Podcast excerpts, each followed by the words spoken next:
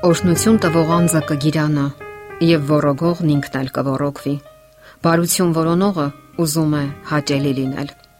Այս տողերը կարդում ենք Սողոմոնի առակած գրքում։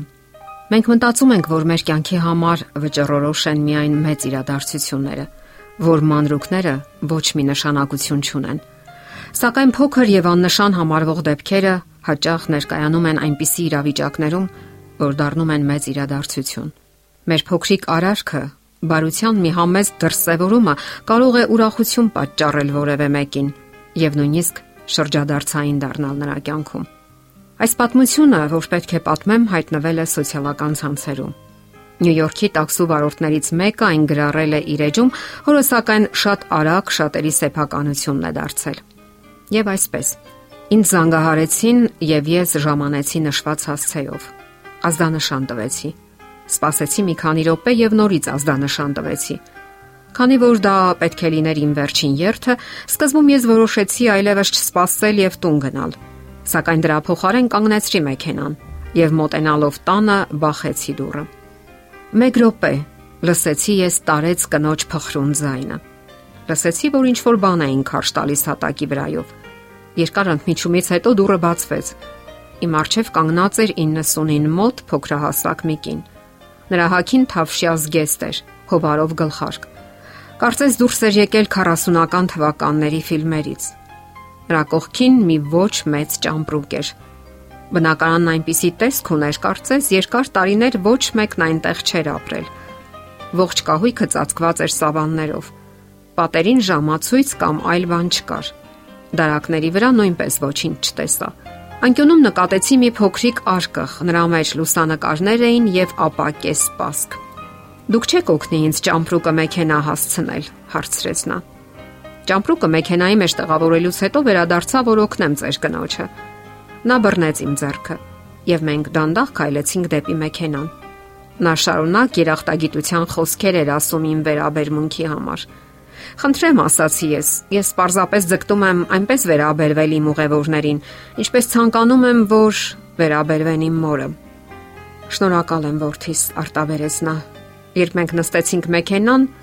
նա թելադրեց հասցեն եւ ապա հարցրեց. Դուք կարող եք գնալ քաղաքի կենտրոնով։ Բայց դա ամենակարճ ճանապարհը չէ, պատասխանեցի ես։ Չեմ առաշկում, ասաց նա։ Ես չեմ շտապում։ Ես գնում եմ հոսպիս։ Հայելու մեջ ես նայեցի հետևի նստարանին նստած կնոջը։ Նրա աչքերը փայլում էին։ Իմ ընտանիքը վաղուց է հեռացել, շարունակեց նա խաղաղ ձայնով։ Իսկ բժիշկն ասում է, որ ինձ քիչ ժամանակ է մնում ապրելու։ Ես հանդարտ մեկնեցի ձեռքս եւ անջատեցի հաշվիչը։ Ինչ ուղիով եք ուզում գնալ, հարցրի ես։ Հաջորդ երկու ժամում մենք անցանք քաղաքի միջով։ Նա ինձ ցույց տվեց այն շենքը, որտեղ մի ժամանակ վերելակավար է աշխատել։ Մենք անցանք այն թաղամասով, որտեղ երիտասարդ ժամանակ ապրել է նա իր ամուսնու հետ։ Նա ինձ ցույց տվեց մի կահույքի պահեստ, որը մի ժամանակ պարադահլիճ է եղել, եւ որտեղ ինքը պարիդասերի է հաճախել, երբ դեռևս փոքրիկ աղջնակ էր։ Երբեմն նա խնդրում էր ինձ արգելակել որևէ կոնկրետ շինության առաջ կամ փակուղում եւ անշարժ աչքերը խավարին հառած ոչինչ չէր ասում։ Հետո հանկարծ արտաբերեց. Ես հոգնել եմ։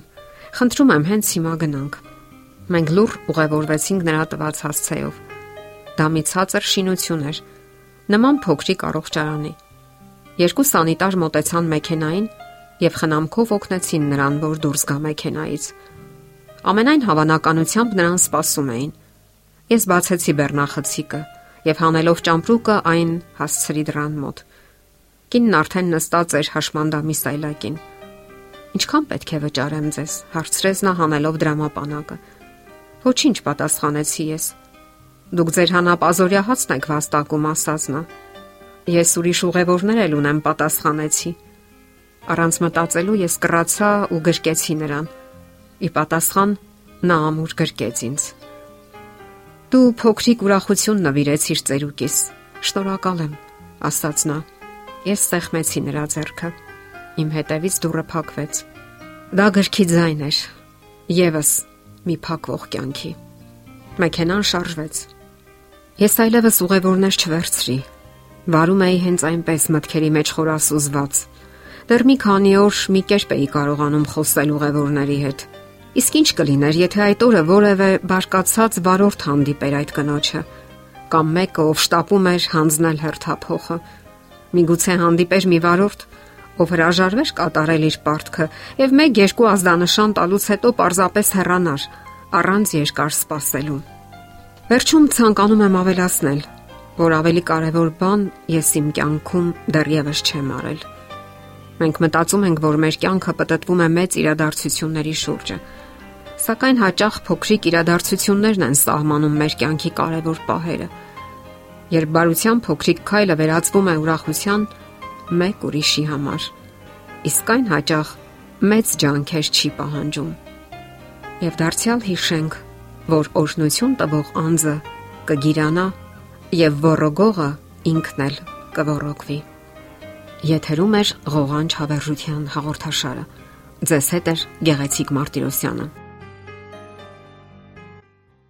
Հարցերի եւ առաջարկությունների դեպքում զանգահարեք 094 08 2093 հեռախոսահամարով։ Հետևեք մեզ hopmedia.am